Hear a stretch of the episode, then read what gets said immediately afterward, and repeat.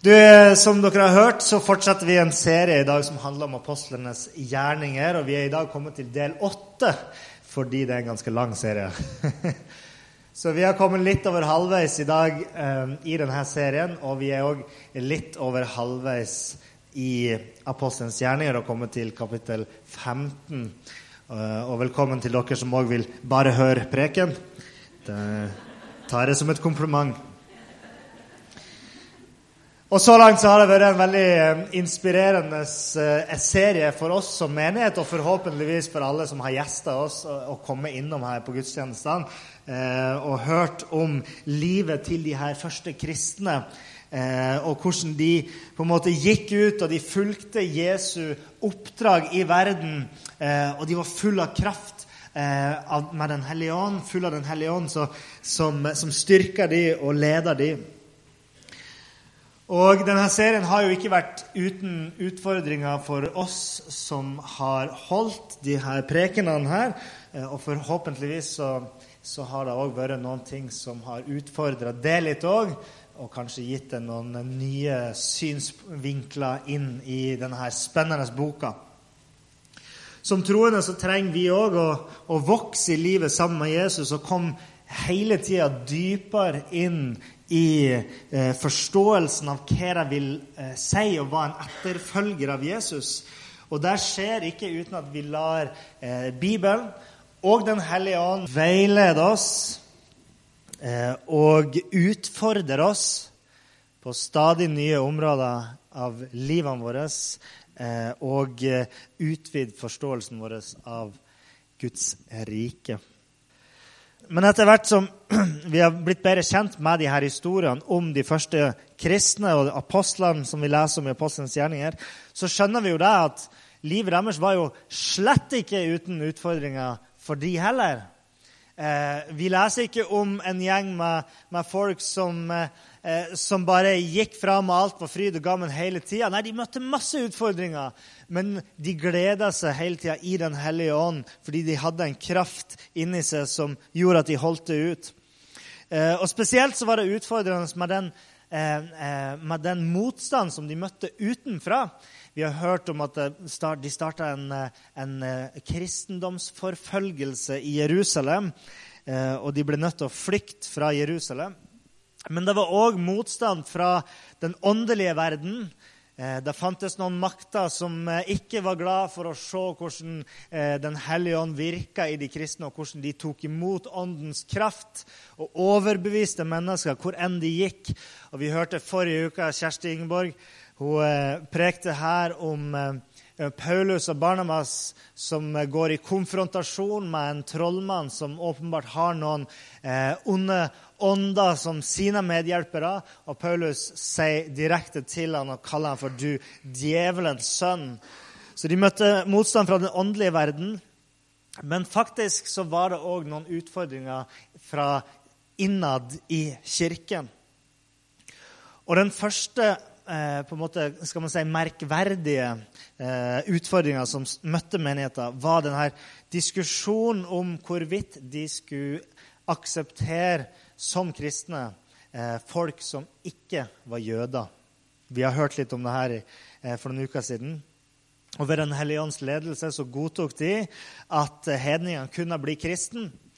Men det betydde faktisk ikke at de var helt ferdig med den saken enda. Det oppsto nemlig en konflikt i tilknytning til akkurat denne saken. Så denne saken den blussa opp på nytt eh, i den teksten vi skal se på i dag. Og det her skjedde da faktisk eh, kanskje så mye som, eh, som ti år etter de først hadde begynt å, å akseptere hedningkristne i, i menigheter eh, i, i Jerusalem. Og eh, Paulus han hadde allerede vært troende i noen år. Det har gått noen år siden den opplevelsen han hadde på veien til Damaskus. Han har vært på sin første misjonsreise og, eh, og, vært på Kypros. Og han har reist rundt i det som i dag er, er Tyrkia. Og eh, når han og Barnabas, hans følgesvenn, kom tilbake til Antiokia, som ligger helt sør i dagens Tyrkia, de kom tilbake til Antiokia, byen de hadde reist ifra. eh, så, så var ikke alt som de hadde forventa. Vi skal lese fra kapittel 15, og vi begynner i vers 1. Det kom noen ned fra Judea og begynte å undervise brødrene. Hvis dere ikke følger den skikken vi har fra Moses, og lar dere omskjære, kan dere ikke bli frelst. Dette førte til konflikt og et heftig ordskifte mellom dem og Paulus og Barnabas. og Jeg la merke til en, en, en, veldig rar detalj i denne teksten. Jeg vet ikke hvorfor jeg henger meg sånn opp i det, men eh, jeg blir helt sånn forvirra når det står at de kom, de kom ned fra Judea som ligger i sør. Og så kom de ned til Antiokia i, i nord.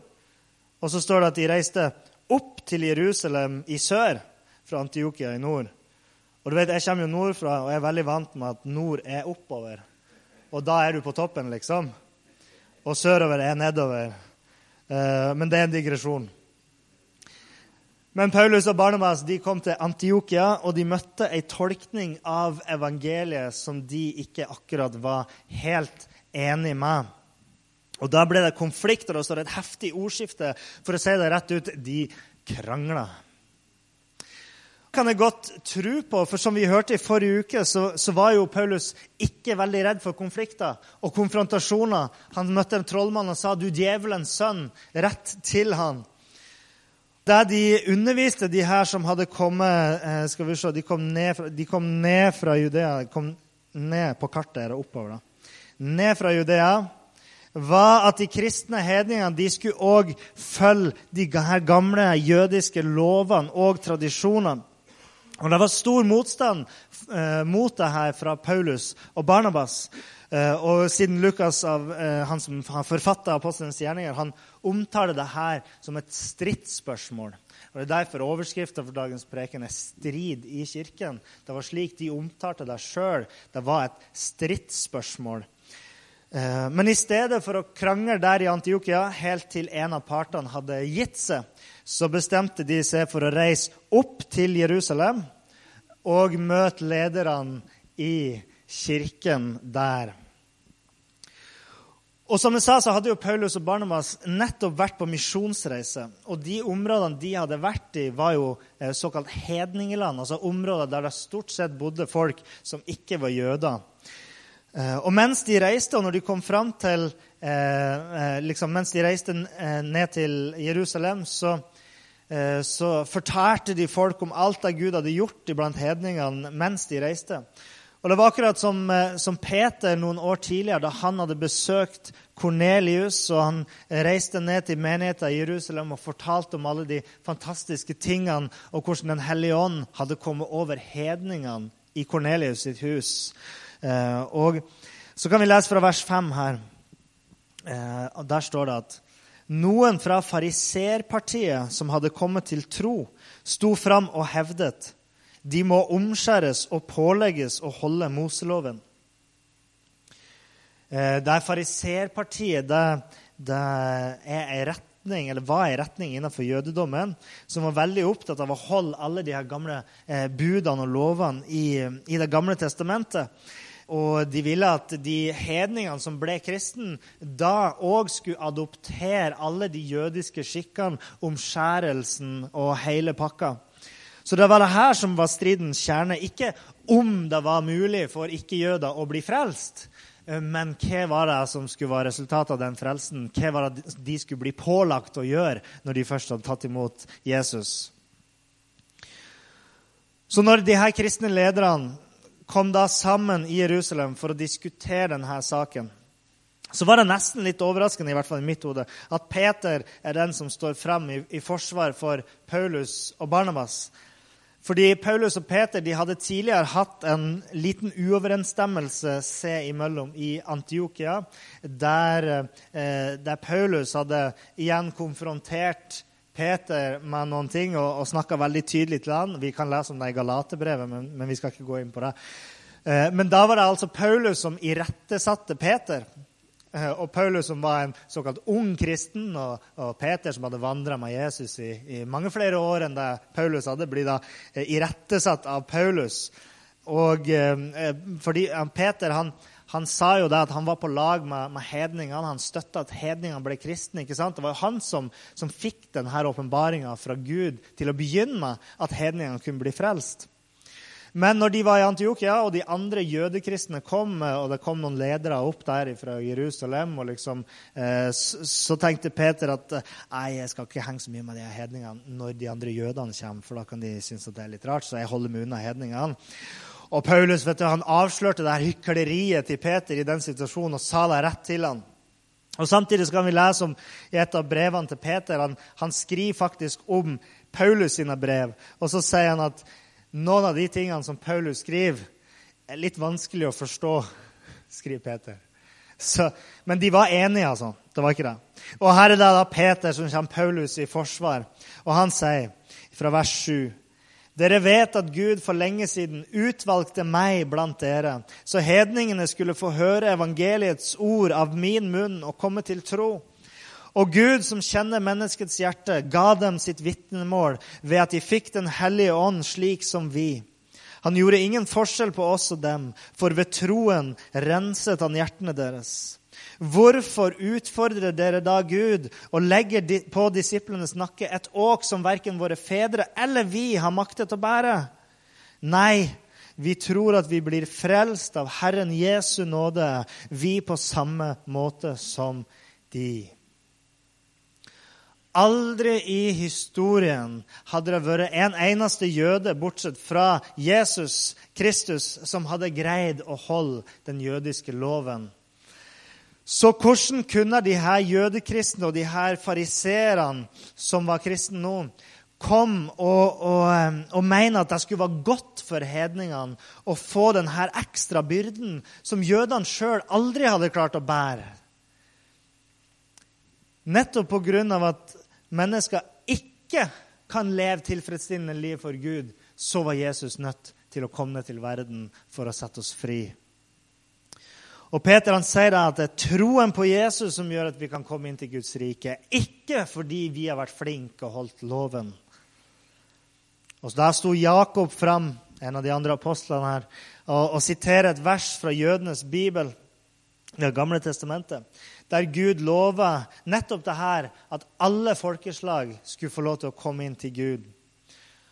Og Resultatet av det her første kirkemøtet, om du vil, eller apostelmøte eller menighetsmøte, hva man vil kalle det, resultatet av det her første møtet det var at de sendte et skriv ned til menigheten i Antiokia og området rundt Antiokia eh, med denne beskjeden vi har fått høre i vers 24, vi har fått høre at noen fra oss har forvirret dere med sine ord og gjort dere urolige. Men vi har ikke gitt dem noe oppdrag. Det vil si at de her jødekristne som Paulus og Barnabas møtte i Antiokia, de hadde ikke fått noen autoritet fra apostlene eller fra noen ledere innad i kirken om å undervise de her tingene som de gjorde. Men det var noe som har sneket seg inn eh, utenfra. Og så leser vi videre fra vers 25. Derfor ble vi enige om å velge noen menn som vi sender sammen med våre kjære brødre Barnabas og Paulus. Disse to har våget livet for vår Herre Jesu Kristi navn. Vi sender altså Judas og Silas, som skal fortelle eh, det samme muntlig. Den hellige ånd og vi har besluttet å ikke legge noen annen byrde på dere enn disse helt nødvendige tingene, at dere holder dere borte fra kjøtt som er ofret til avgudene, fra blod, fra kjøtt av kvalte dyr og fra hor. Om dere passer dere for slikt, vil det gå dere godt. Lev vel. Så lederne i eh, kirken, i menigheten, apostlene, de ville ikke pålegge de kristne i Antiokia, altså de hedningkristne, og eh, holde mer enn det de kunne greie å bære. Og de trengte ikke å følge den jødiske loven, de trengte ikke å bli omskjært. Eh, men de la inn denne klausulen som de kalte disse helt nødvendige tingene, nemlig å ikke spise offerkjøtt, ikke spise blod, ikke spise kjøtt av kvalte dyr, og ikke eh, bedrive hor, altså ikke drive med avvikende seksuell atferd og seksuell løssluppenhet. Eh, Peter sa i sin tale at troen var nok for å bli frelst. Så det egentlig vanskelige spørsmålet i den teksten vi har foran oss i dag, er hva mente de med de her eh, reglene som de sendte oppover til eh, Antiokia? Hva mente de med, at, eh, med, å be dem om å følge noen av de her lovene fra Det gamle testamentet? Og Derfor tenkte jeg skulle snakke litt om denne vanskelige Eller hva skal man si? Det, man, man, må balansere, kanskje ikke balanse det rette ordet, eh, men skille mellom lov og nåde og forstå de eh, i, på en rett måte. Så, så hvis man spør f.eks.: Kan vi være kristen uten å holde loven? Så vil jeg si ja og nei. Og da spør du så vi skal følge loven. Så vil jeg si ja og nei. Men det kommer an på hva vi mener med å holde loven, og hvorfor vi mener at vi skal holde loven. Og Jeg kan prøve å svare med et eksempel. Som sagt, Peter han sier at vi må sette vår eh, eh, lit og tillit til Gud. Når vi gjør det, så renser han hjertene våre og rettferdiggjør oss, sånn at vi blir frelst og står foran Gud uten feil, renvaska i Jesus. Men hvis vi ikke tror på Bibelens Gud, så kan vi ikke bli frelst. Hvis vi setter all vår tro til Gud, så holder vi faktisk samtidig et av de første budene i Guds lov, i de ti bud, nemlig at man ikke skal ha andre guder enn Han. Sant? Hater du Gud, tilbyr du andre guder enn Han, så kan du ikke bli frelst. Du er nødt til å elsk Gud. Og ved å gjøre det så holder du et av budene som Jesus ga til oss, om å elske Gud eh, med all vår forstand, all vår sinn og alle de tingene her. Og, så det, Poenget mitt er at det er altså noen av lovene vi rett og slett må holde for å komme til Gud. sant? Så, så, så, vi kan ikke bryte alle lovens bud, i hvert fall, og samtidig være en kristen. Det går ikke. Eh, men eh, uansett så er det Guds fortjeneste. Og da må vi alltid huske på Det Det er alltid Guds fortjeneste at vi holder de her budene. For det er Han som har gjort seg kjent for oss. Eh, det er Han som har gjort det mulig for oss å elske Han. Det er Han som har skapt oss, og det er Han som setter oss i stand ved Den hellige ånds kraft til å holde Hans bud. Og Han styrker òg vår tro og vår tillit til Han. Okay? Eh, på den andre sida finnes det jo mange eh, lover og bud i den gammeltestamentlige lovgivninga som ikke er nødvendig for kristne å holde. Eh, og det, er vanlig å dele loven i Det gamle testamentet inn i tre kategorier. Den første kategorien omhandler renhetslover. Den andre kategorien har å gjøre med at Israel var et utvalgt folk av Gud. De var Guds folk i verden, og fordi de var det, så hadde de fått noen spesifikke regler som var til for at de skulle kunne skille seg ut fra alle de andre folkeslagene. sant? De hadde noen lover som viste at vi har en annen gud enn alle dere andre. Og den tredje kategorien omhandler moralske lover. Og renhetslovene, den første kategorien, det er noe som som sa noe om, eh, om, om, ting som gjorde et menneske urent. Eh, eller, eller eh, religiøst urent. Ikke fysisk urent, men det gjorde oss religiøst urent. Og det var ikke nødvendigvis moralske ting. Men det var ting som hadde med f.eks. seksualitet å gjøre, kropp og fysikk og sykdom. og sånne type ting. Og de hadde, F.eks. med tempeltjenesten å gjøre, så var det sånne renhetsforskrifter for prestene. Prestene kunne ikke ha noen, noen um, spesielle typer sykdommer, hudsykdommer.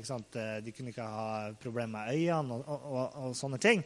Så det var sånne renhetsforskrifter. Men det var jo ikke, noe, eh, det var ikke en synd å, å, å ha en hudsykdom, f.eks.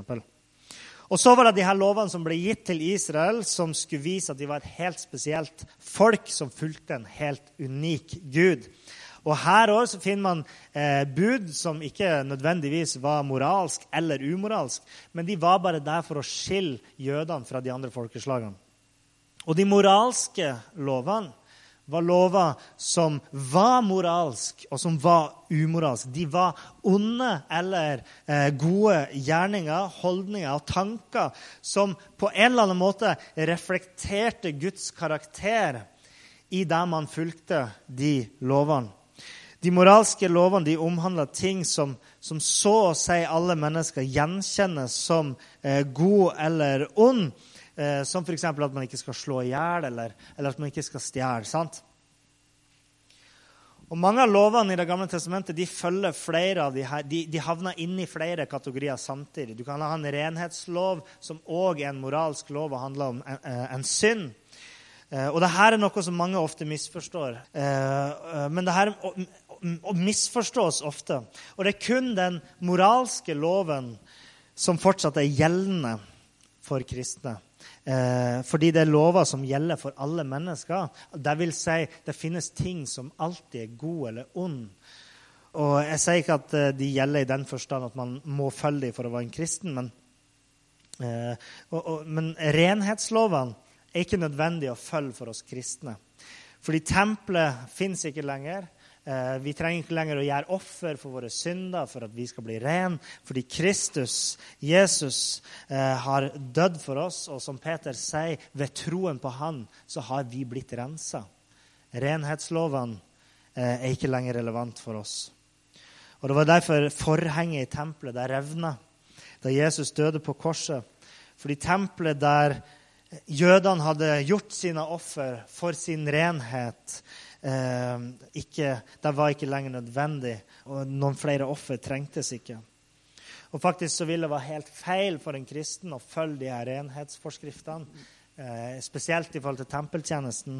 Eh, da vil man på en måte med, med, sin gjerning si at Jesu offer var ikke nok for meg. Jeg trenger mer renselse i tillegg til Kristus. Eh, men sånn er det ikke. Jesus, man må ha tillit til at eh, Jesu blod er nok for oss. Og lovene som var gitt for å skille Israel fra de folkene rundt dem, var gitt til dem i ei tid da eh, kun jødene var bærere av Guds sannhet og av vitnesbyrdet om Gud. Så de her lovene de begrensa seg på en måte til ei spesiell tid og et spesielt sted.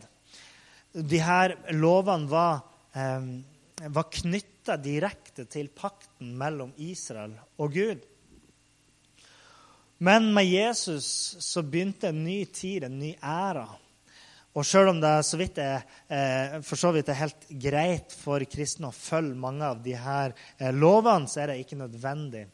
Jeg hørte en, en eh, messiansk jøde, altså en kristen jøde. Han, han er òg teolog og, og, veldig dyktig på, på de her tingene. Og han sier at altså, hvis en kristen kjenner det i sitt hjerte at det, at noen av mat, matforskriftene, f.eks., at, det, at det føles riktig å følge det. De har det på sin samvittighet. at Jeg skal ikke spise blod, f.eks.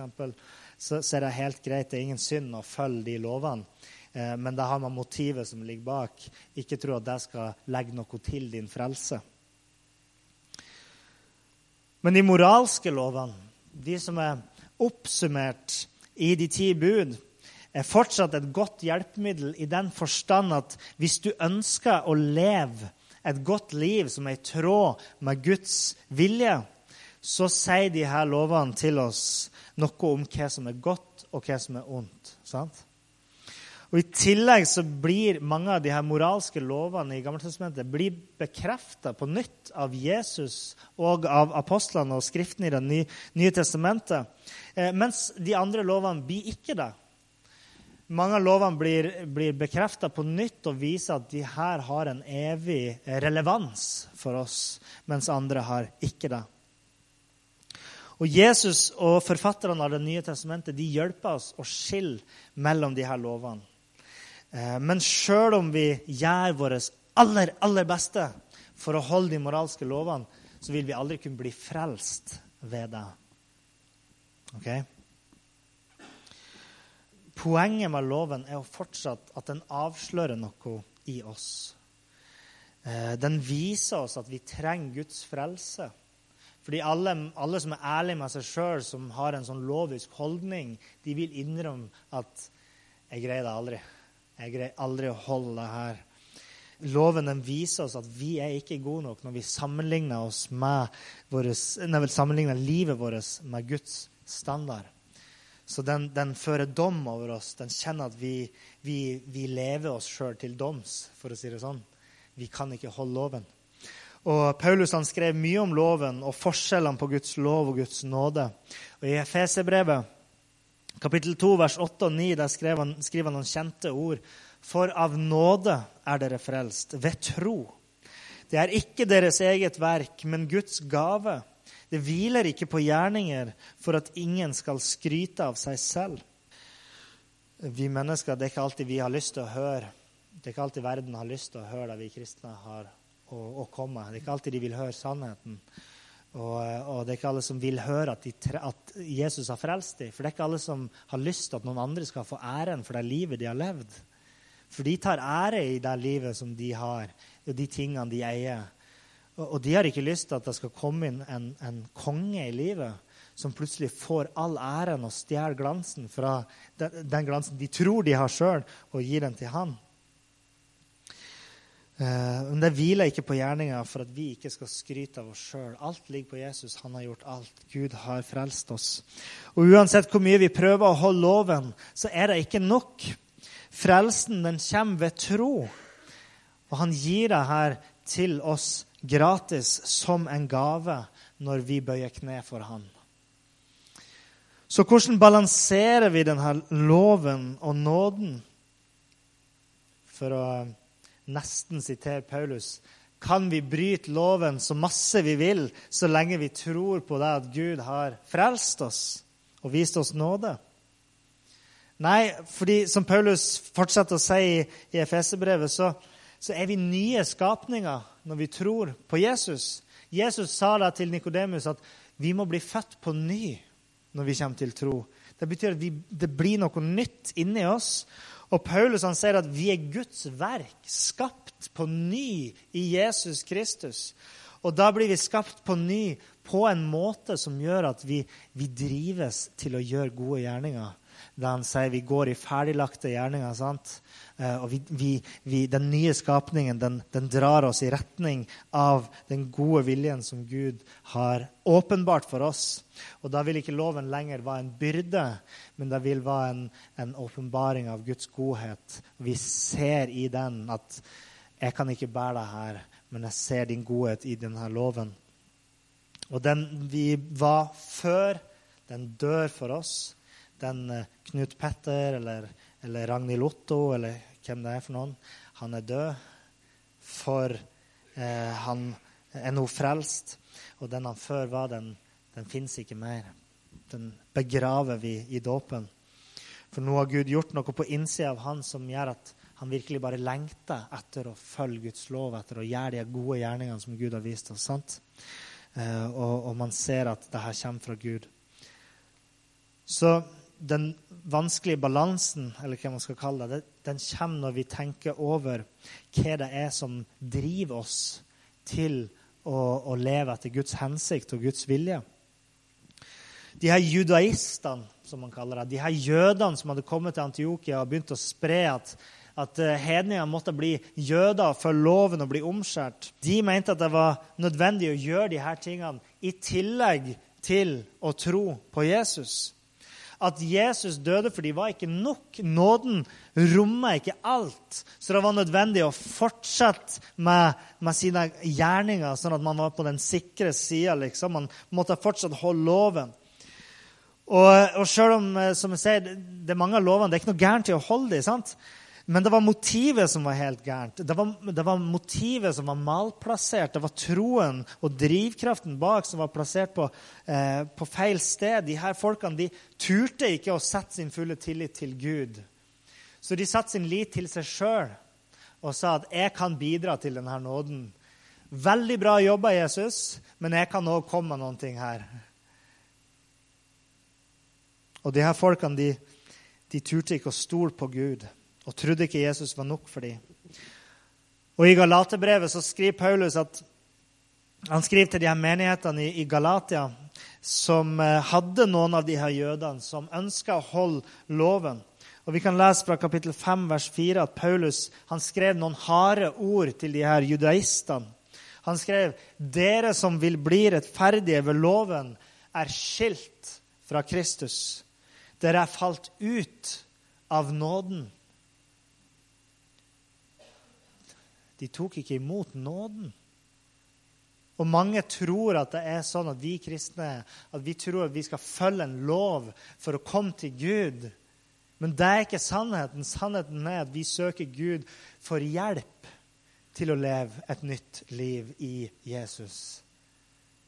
Vi ber om Den hellige ånds kraft til å gå i Guds gode gjerninger for vårt liv. De her de hadde falt ut av Guds nåde. De stolte ikke nok på Gud, så de prøvde å ta saken i sine egne hender, men endte med å fornekte nåden som Gud hadde gitt dem. Jeg anbefaler dere å lese hele Galaterbrevet når dere kommer hjem, eller i morgen hvis dere ønsker å få et litt bedre innblikk i denne saken, for her skriver Paulus mye bra akkurat i forhold til det her med lov og nåde. Men poenget er at når vi når vi snakker om Guds lov, så må vi aldri havne i den grøfta at vi, vi legger lovgjerninga til nåden. Men når vi ser en lov som vi sliter med å holde, så, så klinger vi oss til Gud og ber han, Gud, gi meg kraft og nåde til å ikke drive med det her lenger. Sett meg fri fra denne syndens makt over mitt liv. Men vi tror ikke vi bærer det på våre egne skuldre, men vi legger det på Jesus. Amen. Så det som gjorde denne balansen så vanskelig for de første kristne, var det at de måtte ta hensyn til de jødekristne i Antiokia og i menigheten rundt. Fordi de ble så støtt av de her hedningkristne og de her hedenske tradisjonene som kom inn i menigheten, at de kunne nesten ikke bære over med det. Og Det var en sånn balanse som de lederne ble nødt til å finne. Altså, De her folkene de greier ikke å være i samme menighet sammen. De blir så irritert på hverandre. Jødene vil at de skal følge loven. De andre greier ikke å holde loven og blir irritert på jødene. Det er en konflikt her. Det var en strid.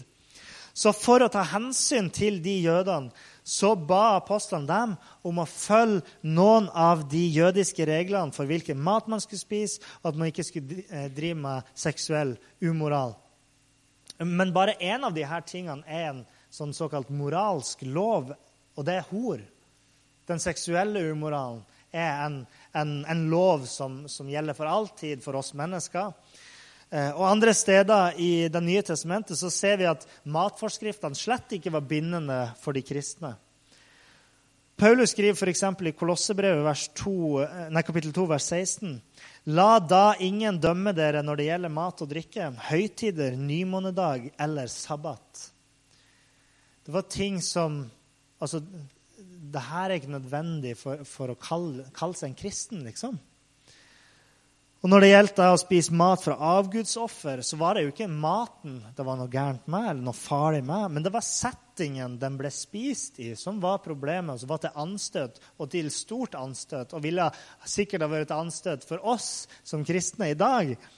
Og Hvis man spiste maten som var en del av en avgudsdyrkelsesseremoni, så hadde man fellesskap med avgudsdyrkerne. Og Paulus skriver at det er som om du har fellesskap med de onde åndene som ligger bak denne avgudsdyrkelsen.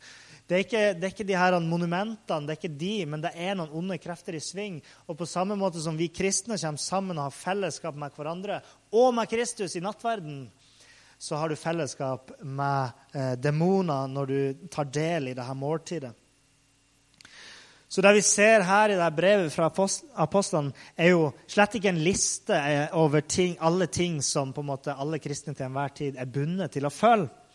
Eh, men det er en rettledning til ei menighet som trengte det for å kunne ta et oppgjør med noen lærere som ikke visste hva de snakka om, og som tok hensyn til alle medlemmene i menigheten. Og eh, For det første så, så var det ikke ei rettledning som var for vanskelig for hedningene å bære. Og Det var òg viktig at ok, hvis vi skal komme et kompromiss her, at, hedningene, at, de, at i denne menigheten så blir de nødt til å gjøre noen forandringer på livsstilen sin for å tilpasse jødene, eh, så, så valgte de å gjøre det på en måte som, som ikke var for vanskelig for hedningene å, å leve etter. Og samtidig så var det nok til at jødene syntes at det var greit at de da kunne ha fellesskap med de hedningene. Og det var jo noe som apostlene hadde kommet fram til sammen med Den hellige ånd. Og det er jo så flott eh, når vi leser det her Det er jo et fantastisk vers vi leser i vers 28, at Den hellige ånd og vi har besluttet. Ah, hvor ofte kan vi si det?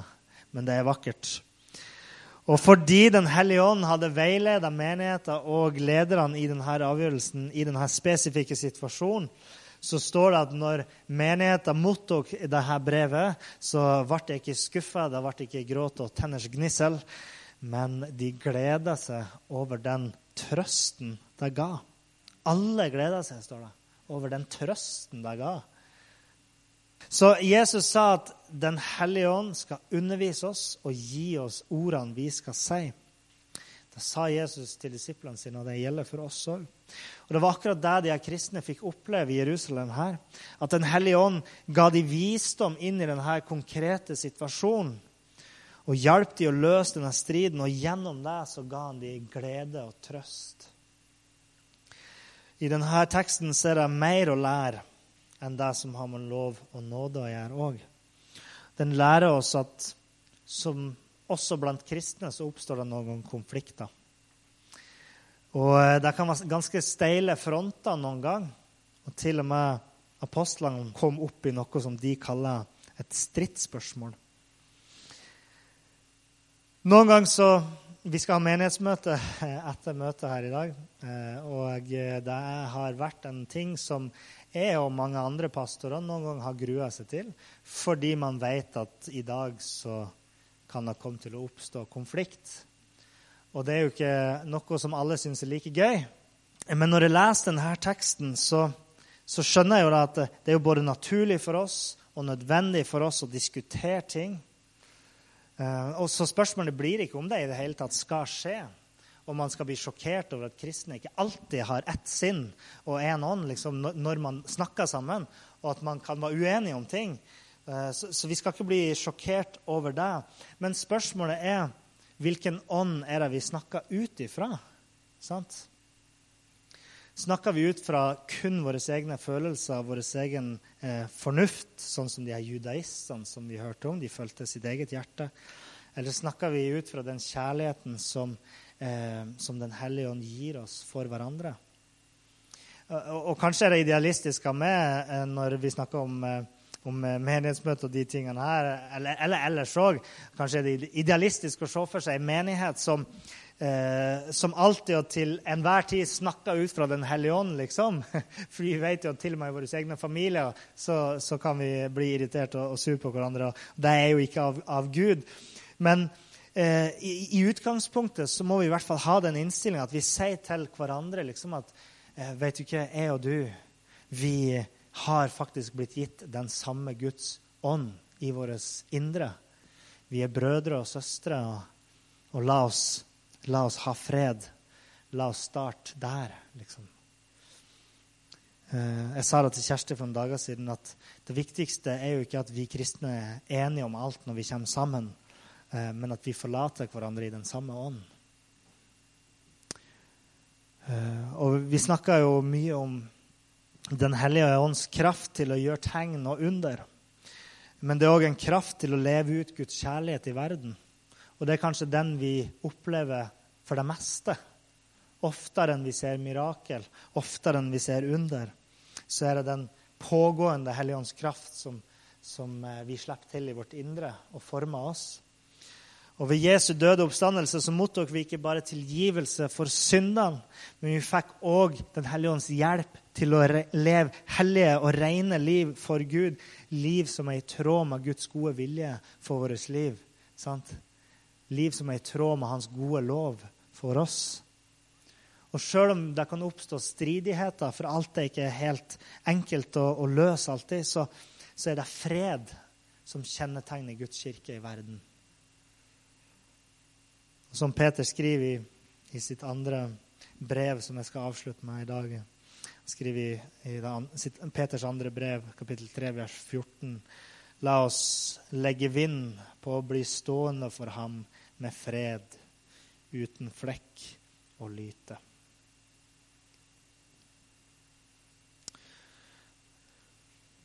Herre Fare, takker deg for den teksten som du har utfordra oss med i dag. Det angår oss alle, og vi kjenner det på våres, i vårt indre hvordan vi, vi, noen gang kommer opp i stridigheter med hverandre i menigheter og, og med andre utenfor menigheter, samtidig som vi vet at det som skal prege våre samfunn, det er fred. Og, og det som skal, skal være kjennetegnet på oss kristne, det er at vi, vi lever hellige liv for det.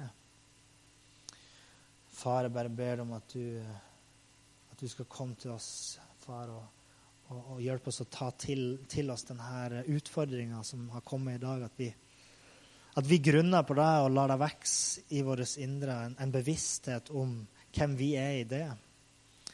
At vi er frelst i det, og at du krever ikke at vi holder noen lov, men planta i vårt hjerte at vi, vi får en indre glede og lyst over å følge dine bud, Herre takker deg i Jesu navn.